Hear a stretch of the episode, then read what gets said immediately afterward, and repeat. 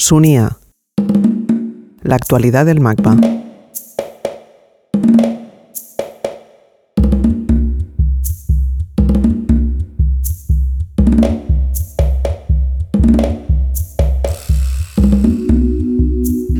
En enero de 2013, la Fundación Joan Brossa y el Ayuntamiento de Barcelona depositaron en el MACBA todo el legado del artista catalán, un total de 60.000 elementos entre los que se hallaban poemas, fotografías, objetos, pinturas, manuscritos y muchos otros documentos que contribuyen a contextualizar la obra de Brossa. Afrontar un proceso de catalogación, conservación y difusión de un patrimonio como este supone un reto apasionante para el Centro de Estudios y Documentación MACBA, que, desde su creación, está implicado en expandir los campos de acción del museo a través del estudio de unas prácticas documentales ligadas a la producción artística contemporánea. El legado de Joan Brossa nos sirve aquí como hilo conductor para adentrarnos en las diferentes fases de trabajo del centro y para comprender la relevancia que los archivos tienen como gestores y difusores de nuestro patrimonio documentales. Sonia habla con Maite Muñoz, responsable del archivo MACBA, sobre la organización de los fondos del archivo, las estrategias de divulgación de los mismos y el modo en que todo ello contribuye a redefinir las fronteras entre arte y documento.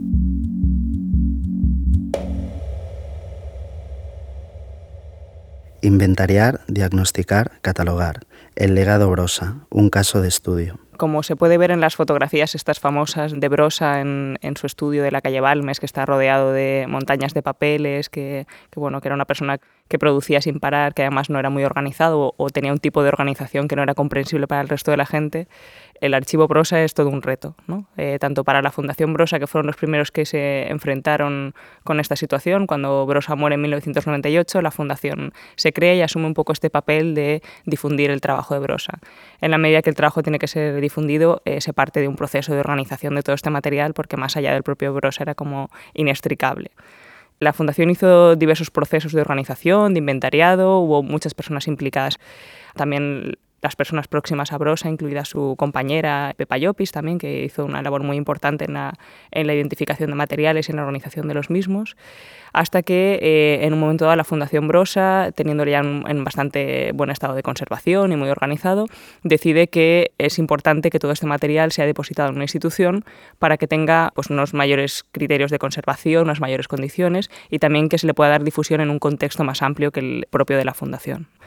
Entonces es a partir de ese momento en el que la Fundación piensa que el MACBA puede ser un lugar adecuado para depositar todo este material y eh, al propio museo también tiene un interés muy importante en el trabajo de Brosa y en concreto en todo este fondo que es tan vasto y tan, y tan interesante para situar la figura de Brosa. A nosotros pues, nos llegan una serie de conversaciones previas entre el director y entre las personas de la fundación. También está implicado el ayuntamiento porque tanto la parte de, las obras propias de Brosa como la colección de obras de otros artistas que tenía Brosa, también hay una parte que es propiedad del Ayuntamiento de Barcelona, con lo cual se inician una serie de procesos de negociación. A partir de estos procesos, pues eh, el museo piensa que, que, Brosa pues, mm, realmente tiene que estar aquí en el museo, que por sus líneas programáticas es un material que nos interesa mucho y además incluso se vincula al tema de realizar una exposición, que es una de las cosas en las que estamos trabajando. Se firma un, un acuerdo entre ayuntamiento, fundación y, y, el museo y a partir de este contrato pues, se inicia todo un proceso de, de trabajo con este material. Afrontar un proceso inventariado de 60.000 documentos es un tema bastante peliagudo. Cuando haces un inventario de un fondo, dependiendo del volumen, dependiendo de la situación que tenga la propia institución, en ese momento, pues eh, la capacidad a nivel de personal y económica, pues se hace un inventario más o menos exhaustivo. Pero siempre es necesario tener un inventario porque es un complemento fundamental para el contrato incluso, ¿no? para poder saber exactamente en base a qué se hace un acuerdo legal. En este caso se, se, tardó unos dos meses más o menos, se realizaron incluso fotografías, fue un proceso bastante interesante incluso para las personas que estaban haciendo el inventario porque se empezaron a descubrir temas, mm, bueno, que aparte de los típicos de la poesía visual de Brosa o del teatro o de la correspondencia que ya por, de por sí sabes que tiene, pues empiezas a encontrar pues correspondencia más personal de él con, con personas con las que había tenido relaciones o, mm, por ejemplo, sus gafas, su, su colección de gafas o su colección de sombreros o temas que dan como una visión del personaje mucho más amplia de lo que sin meterte en el archivo En ese sentido también fue bastante interesante el proceso inventariado, ¿no? de localizar realmente qué tipo de cosas nos íbamos a encontrar y qué era lo que íbamos a traer aquí al museo.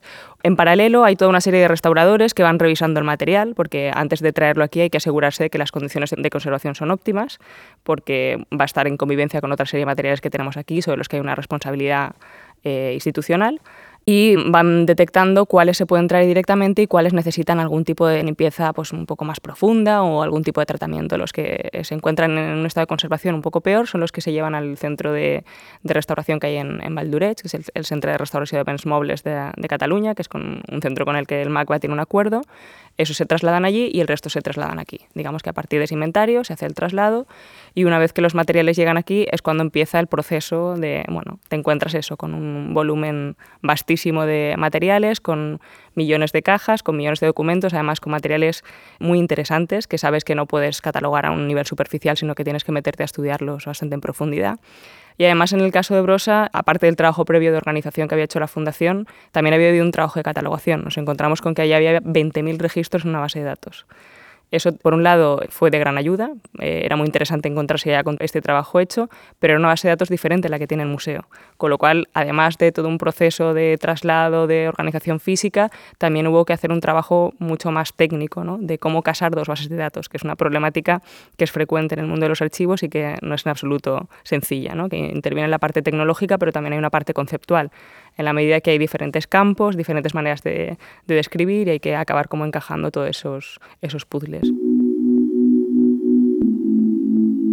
La relación de Brosa con el archivo y con esta conciencia de necesidad de catalogación y de organización del material, incluso a nivel como más descriptivo, por la información que nos ha transmitido tanto la gente de la Fundación como la gente próxima de, de su círculo, no estaba muy pendiente de ese tipo de asuntos. De hecho, una de las características de los documentos de Brosa es que los papeles están reutilizados, que es uno de, de los temas que al final acaban sacándote de quicio como catalogador. ¿no? De, tengo dos documentos, pero tengo un papel dos documentos que son de dos temas diferentes, que han de estar en dos series diferentes, pero que físicamente son una única unidad. O sea que su conciencia con respecto a este tipo de asuntos yo creo que era, bueno, no, no, le importaba eso, no estaba en ese tipo de temas. Él, él estaba en, en, la producción, en la experimentación, en, aportar vanguardia y en, en, otra serie de cuestiones. Y bueno, yo creo que a la luz de, de las fotografías que se pueden ver, yo creo que es obvio ¿no? Que, no, que no era una preocupación. Fondos documentales, entre el valor patrimonial y el documento personal tanto en el caso de Brosa como en el caso de cualquier otro depositario o donante, hay previamente una oferta por parte de ellos. ¿no? Ellos eh, ya te dicen qué es lo que quieres quieren que te traigas lo normal es que el archivo se considere como un conjunto. Es bastante poco frecuente el hecho de segmentarlo, ¿no? porque además hay una serie de cuestiones técnicas que tienen que ver con la archivística como ciencia y como disciplina que de alguna forma no te permiten de disgregar ese, ese archivo porque es una perversión también de la, de la información. Pero sí que hay casos concretos en los que hay documentación o materiales muy personales en los que incluso a veces nosotros mismos recomendamos pues, que no sean depositados aquí o que si son depositados establecer en qué condiciones los mantenemos aquí. En el caso de Brosa pues había toda una serie de cartas más personales, de DNIs que contenían diferentes carnets de asociaciones en las que estuvo, alguna cosa como muy, personal que nosotros recomendamos que no viniese. Pero bueno, en cualquier caso, si los depositarios deciden que sí que tiene que venir aquí, lo que se establece es una serie de, de acuerdos de esto es consultable por los usuarios, no es consultable, se puede exponer, no se puede exponer, cómo se interpreta, cómo se describe. Hemos tenido otros casos también, como por ejemplo el del fondo Joan Josep Starrats, que teníamos algunas radiografías suyas, ¿no? O, ¿sabes? Ya entras en un tema un poco más personal.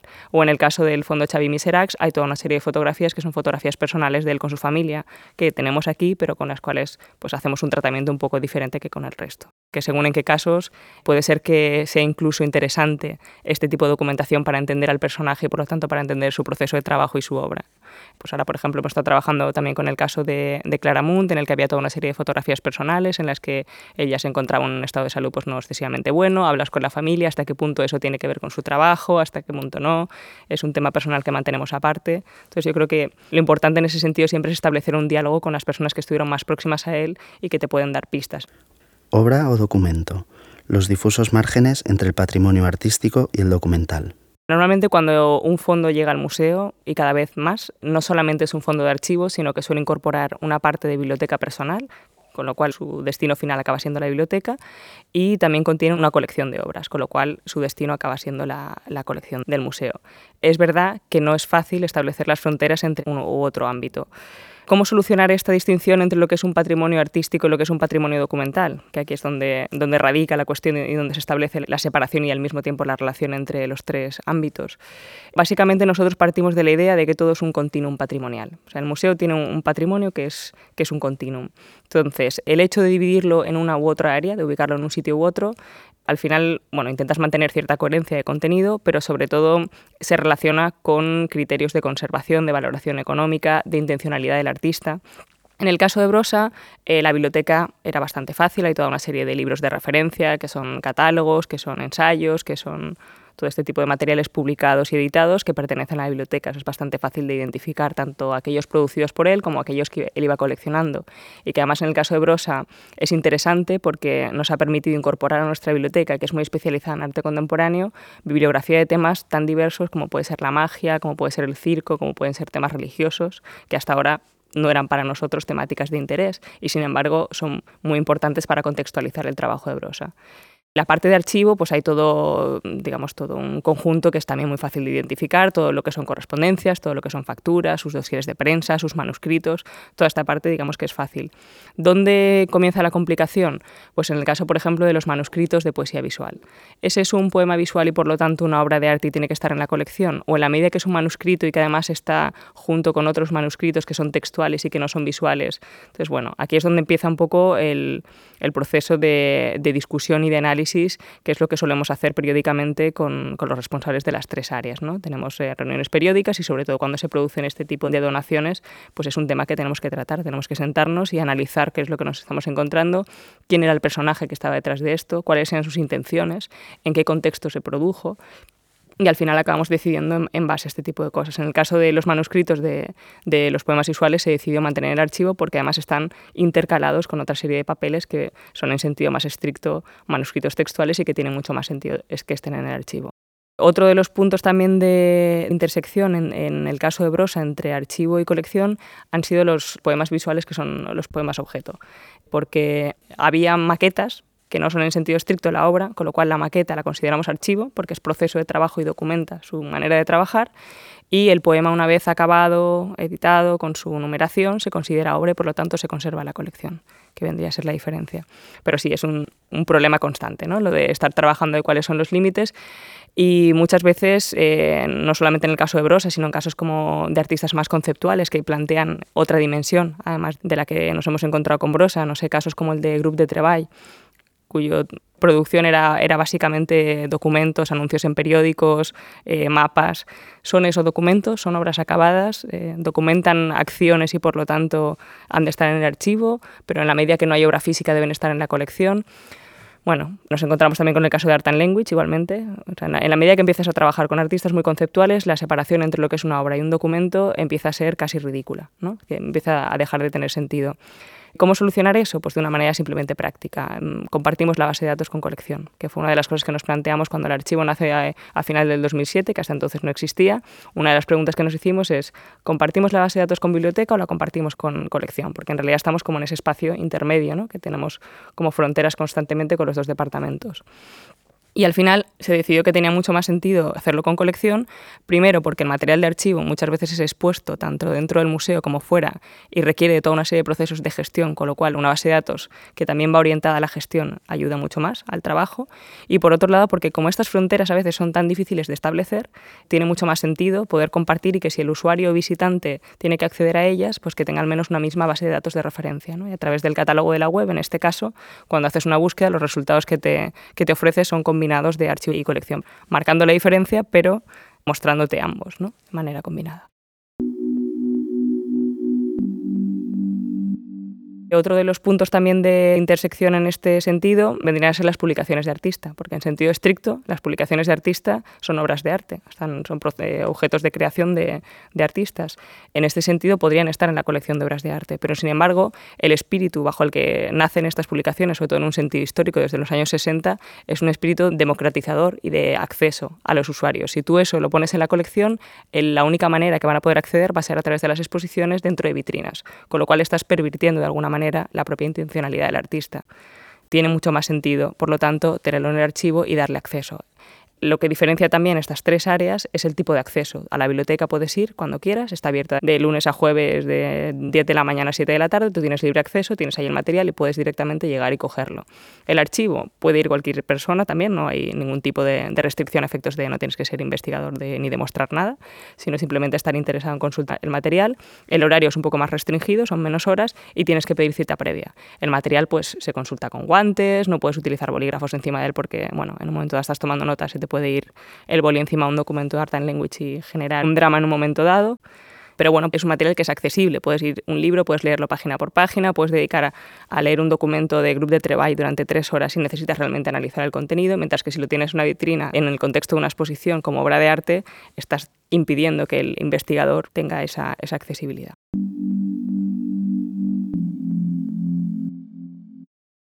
En el caso de la fotografía, para nosotros también fue un reto, porque hasta que no llegó el fondo de Xavier Miserax hace ahora tres años, no habíamos tenido la experiencia de tratamiento de, un fondo fotográfico. ¿Y cómo funciona en el caso de los fotógrafos? También nos supuso una serie de cuestionamientos, pero más o menos ahora mismo tenemos unos parámetros que nos permiten hacer esa distinción entre lo que tiene que estar en el archivo y lo que tiene que estar en la colección.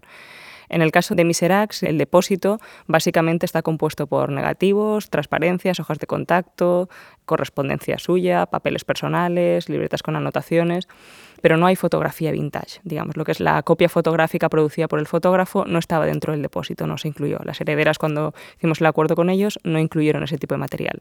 Eh, si hubiesen incluido ese tipo de material, las fotografías vintage habrían ido a colección, porque es la obra final. Pero todo el material de trabajo de Miserax para poder producir esas fotografías es lo que nosotros mantenemos en el archivo que a veces es un tema complejo, por qué es la obra la fotografía y no es el negativo, o sea, aquí hay toda una serie de discusiones al respecto, pero por una cuestión de coherencia y también de accesibilidad, es mucho más interesante hacerlo de esta manera, porque si tú pones todos los negativos o todas las hojas de contacto en la colección, sucede lo mismo. El investigador no va a tener un acceso directo a ese tipo de material y es muy interesante a la hora de, hacer cualquier tipo de estudio. ¿no? Poder ver, por ejemplo, de Barcelona Blanco y Negre, por qué el fotógrafo seleccionó una serie de imágenes y no otras. Puedes ver toda la tirada que hizo de fotos. En algunos casos sí hay anotaciones, incluso en las propias hojas de contacto, reencuadres. Eso es más documentación, lo entendemos en este sentido. En el caso, por ejemplo, de otros fotógrafos como Xavier Rivas, el material es estrictamente obra final, es eh, reproducción fotográfica, no hay detrás un grupo de negativos o de hojas de contacto que nos haya depositado, con lo cual la distinción es bastante clara. Artistas y archivos. En la relación con los artistas, una es bastante curioso el tema de cómo ellos perciben cómo nosotros tratamos su documentación. ¿no? Ellos que están acostumbrados a tener esos papeles a lo mejor en el suelo de su casa tirados o en su mesa puestos debajo de una taza de café, de repente llegar aquí y ver que están eh, pues en una habitación con condiciones de humedad y temperatura controlada, bajo llave, con temas de seguridad asociados, que además está en, dentro de un sobre de pH neutro, que unos restauradores lo han estado limpiando y que le han quitado las grapas para que no se oxide y que todos lo tratamos con guantes y además lo digitalizamos, pues sí, es verdad que muchas veces se sorprenden ¿no? del abismo que hay en el tratamiento que ellos le dan a sus propios documentos del que le damos nosotros. Porque claro, las funciones son muy diferentes. Nosotros tenemos una, una obligación de preservación del patrimonio, pero desde luego sean situaciones muy divertidas en ese sentido, ¿no? a veces incluso de, de artistas que han venido a, a revisar con nosotros la documentación y de repente han decidido hacer una anotación sobre un documento que tú tienes aquí, con lo cual obviamente él como artista lo puede hacer, pero tú tienes que documentar el proceso en el que él lo está haciendo para que quede claro que ha sido el artista en el que ha intervenido, ¿no? De repente. Entonces, bueno, sí, se dan situaciones bastante cómicas. Una función pública, conservar y difundir. Cuando nosotros recibimos un, un fondo documental, no solamente tenemos que pensar en la, clasificación, organización, catalogación y descripción, sino que esos al final son medios para conseguir un objetivo. Y básicamente es la conservación y la difusión. nuestra misión en ese sentido es conservar el patrimonio y difundirlo y hacerlo accesible. ¿Cómo hacerlo accesible? Eh, es un tema que debemos plantearnos desde el inicio del proyecto. Cuando nosotros nos llega un fondo y hacemos una planificación de proyecto, tenemos que incluir también la parte de difusión, porque es la que al final es la que da sentido a nuestro trabajo. Un proceso de digitalización es un tema bastante complejo, requiere de, una buena planificación. Mm, me gustaría más aclarar que digitalizar no es escanear, porque además es un tema con el que estamos insistiendo constantemente, porque la gente tiende a decir, bueno, ¿por qué no hacemos un proceso de digitalización? Si tú coges una serie de documentos y los escaneas, tienes un montón de archivos digitales en un sitio que no te sirve para nada. O sea, tú no puedes identificar el contenido. Hay toda una serie de cuestiones relacionadas con, por ejemplo, con qué resolución lo pones, en qué formato lo haces, ese formato cuánto tiempo va a estar vigente. O sea, tiene que haber un seguimiento del formato, no solamente un proceso de digitalización, sino de mantenimiento de la digitalización. Digamos que cada cierto tiempo los formatos se van actualizando, se quedan obsoletos, hay que hacer lo que se llama un refreshing de formatos, hay que hacerlo con cierta frecuencia para que no se queden demasiado obsoletos y luego ya no puedas hacer la conversión. Luego además eh, hay una serie de informaciones que están relacionadas con los objetos digitales, es decir, con las imágenes digitales que produce este proceso, que son lo que se llaman los metadatos.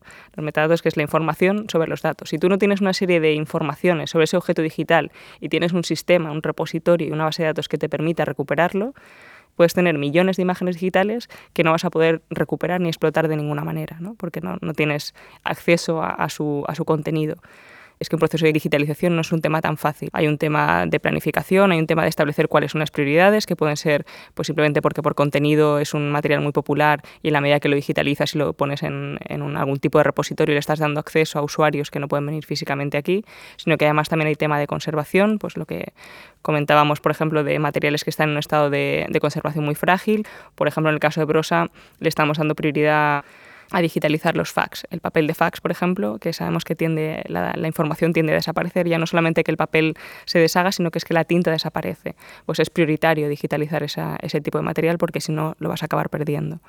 Luego, pues a veces también se parte de series documentales que son especialmente relevantes, interesantes, incluso inéditas. Pues en Brosa, pues mucha de su obra está publicada, pero también hay otra que es inédita, entonces es muy interesante hacer procesos de digitalización de este material porque de alguna forma ayudan a dar difusión al material y siempre teniendo en mente la idea de que lo importante es que la gente conozca qué es lo que tenemos aquí y dar acceso a través de la consulta directa.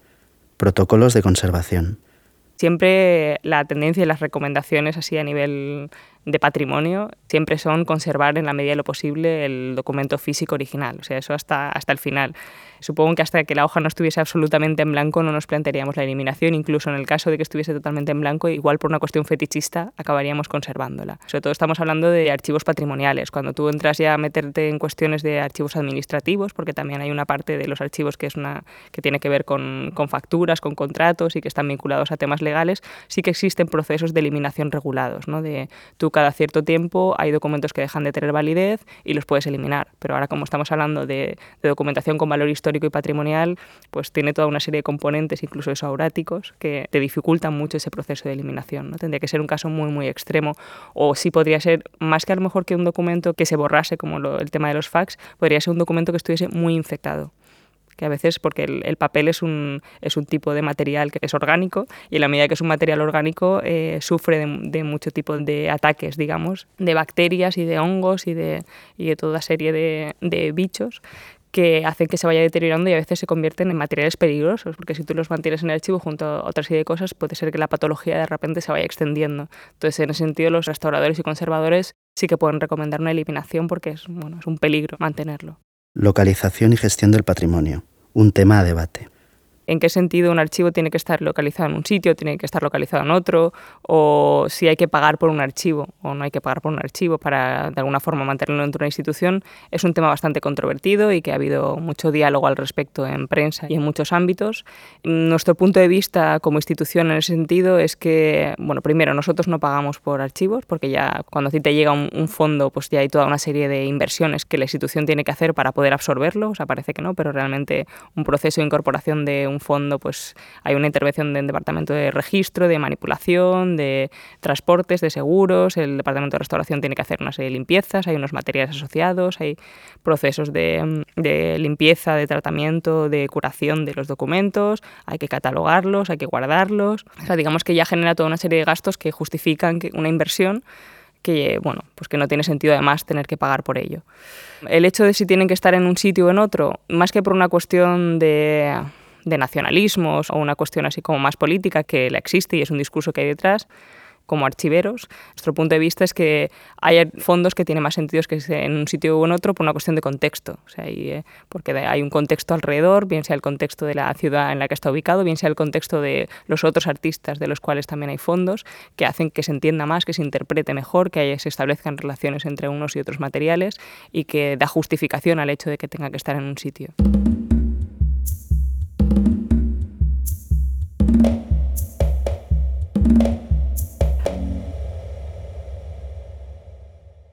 magba.cat